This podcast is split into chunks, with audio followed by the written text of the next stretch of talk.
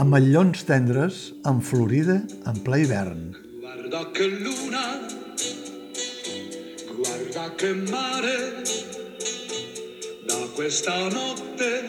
senza te dovrò restare. Folle d'amore, Molt poques pel·lícules toquen les entranyes del teatre des dels seus començaments, com ho fa aquest últim film de l'actriu i directora Valeria Brune Tedeschi, que va presentar l'últim Festival de Cannes i que fa un any que ha fet un recorregut per diversos certàmens, a més de la distribució tradicional a les sales, i ara també accessible en línia a la plataforma Filmin. Com ha fet en altres ocasions,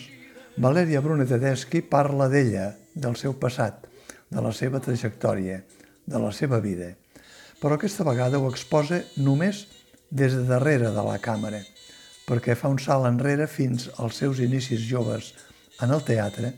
quan va estar un parell de cursos a l'Escola del Teatre des Amandieu, situat a la comuna parisenca de Nanterre,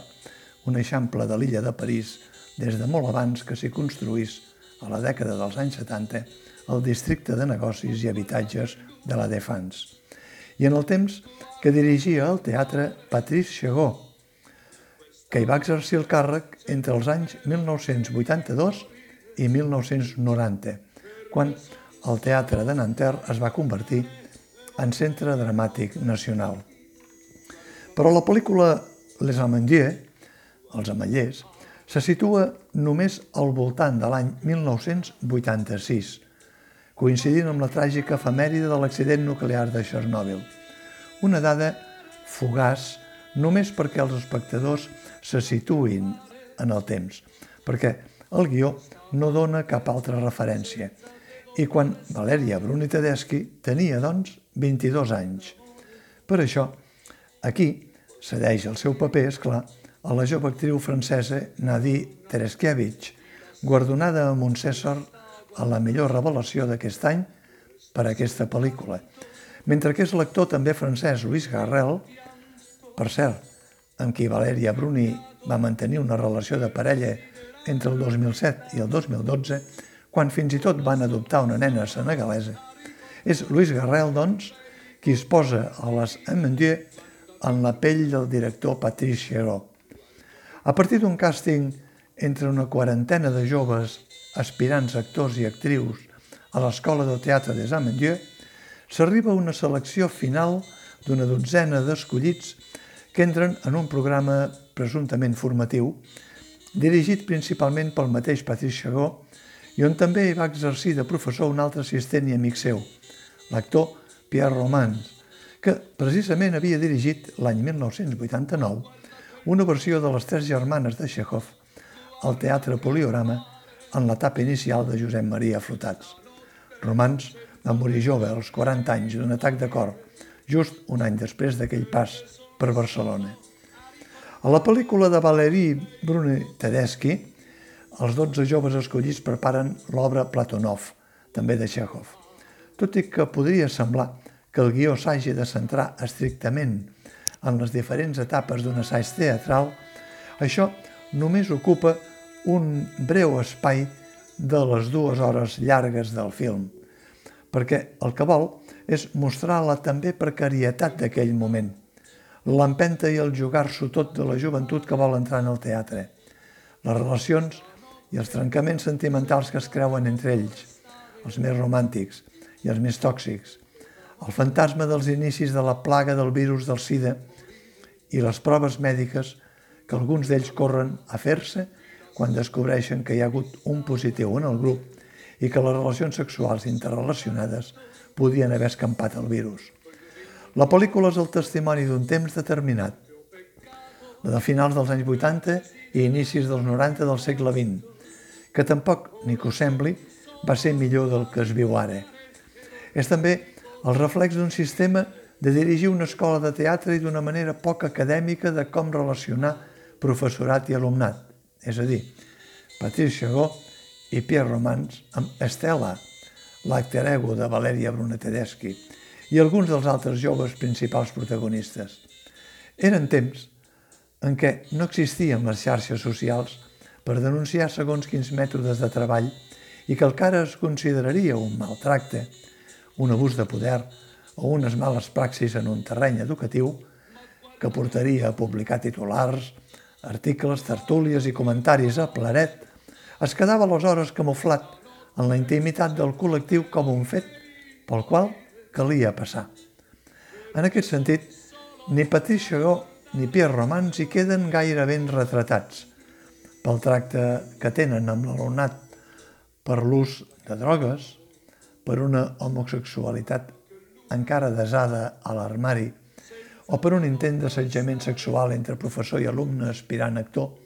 quan el terme gay o l'encunyat ara com a l'LGTBIQ+, era a les beceroles i lluny de la imaginació dels joves d'aquella generació. No cal dir que la psicologia o pedagogia a l'hora de distribuir papers teatrals tampoc brilla per la seva bona praxi, molt lluny, per exemple, del tracte consolador que Àngel Llàcer destina a la dotzena d'aspirants dels càstings que van portar a la creació d'una terra baixa televisiva, o la creació ara en preparació de la Puntual, és a dir, l'auca del senyor Esteve. A l'escola de Patricia Roy i Pierre Romans no hi ha ni bones paraules ni gestos de consolació. Els temps, en aquest sentit, sí que han canviat. La pel·lícula Les Amendieux, com totes les de Valeria Bruni Tedeschi, és intensa, emotiva, honesta i despullada sense subterfugis sobre la pròpia vida de la mateixa directora. Hi ha una fugaç anada a Nova York del grup, amb un intercanvi amb l'escola de Actors Studio, a Manhattan, fundada el 1947, i per on han passat la gran majoria dels intèrprets del cinema de Hollywood fins a l'actualitat. Sense oblidar mostrar una vegada més la menció noble dels Bruni Tedeschi, on Valeria Bruni a cavall d'Itàlia i França, tant paisatgísticament com lingüísticament, sempre intenta mostrar que, malgrat la nissaga benestant de la qual procedeix, ella ha intentat fer un camí lliure i independent, en el recorregut del qual no tot han estat, per a la seva vida personal, flors i violes. Les Amendier, amb una banda sonora francesa i italiana, que és també un dels punts forts del guió, agafa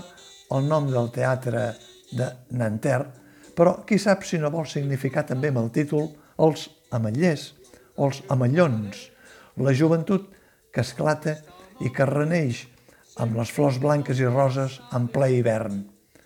A la trama hi ha il·lusió juvenil no exempta d'una tragèdia inesperada,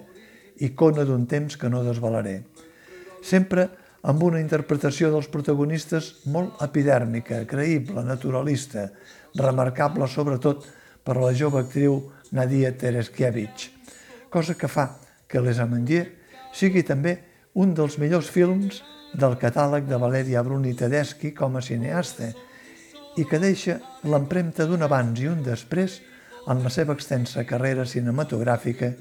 recorrent en aquesta ocasió als seus orígens en el món del teatre.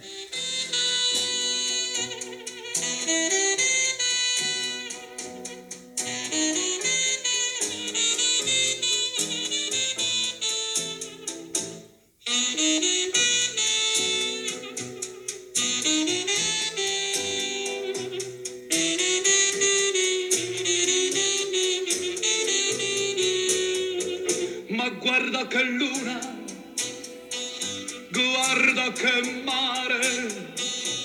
In questa notte senza te vorrei morire.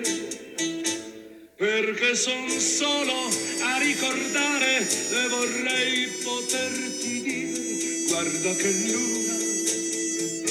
guarda che mare. Guarda che luna. Guarda che mare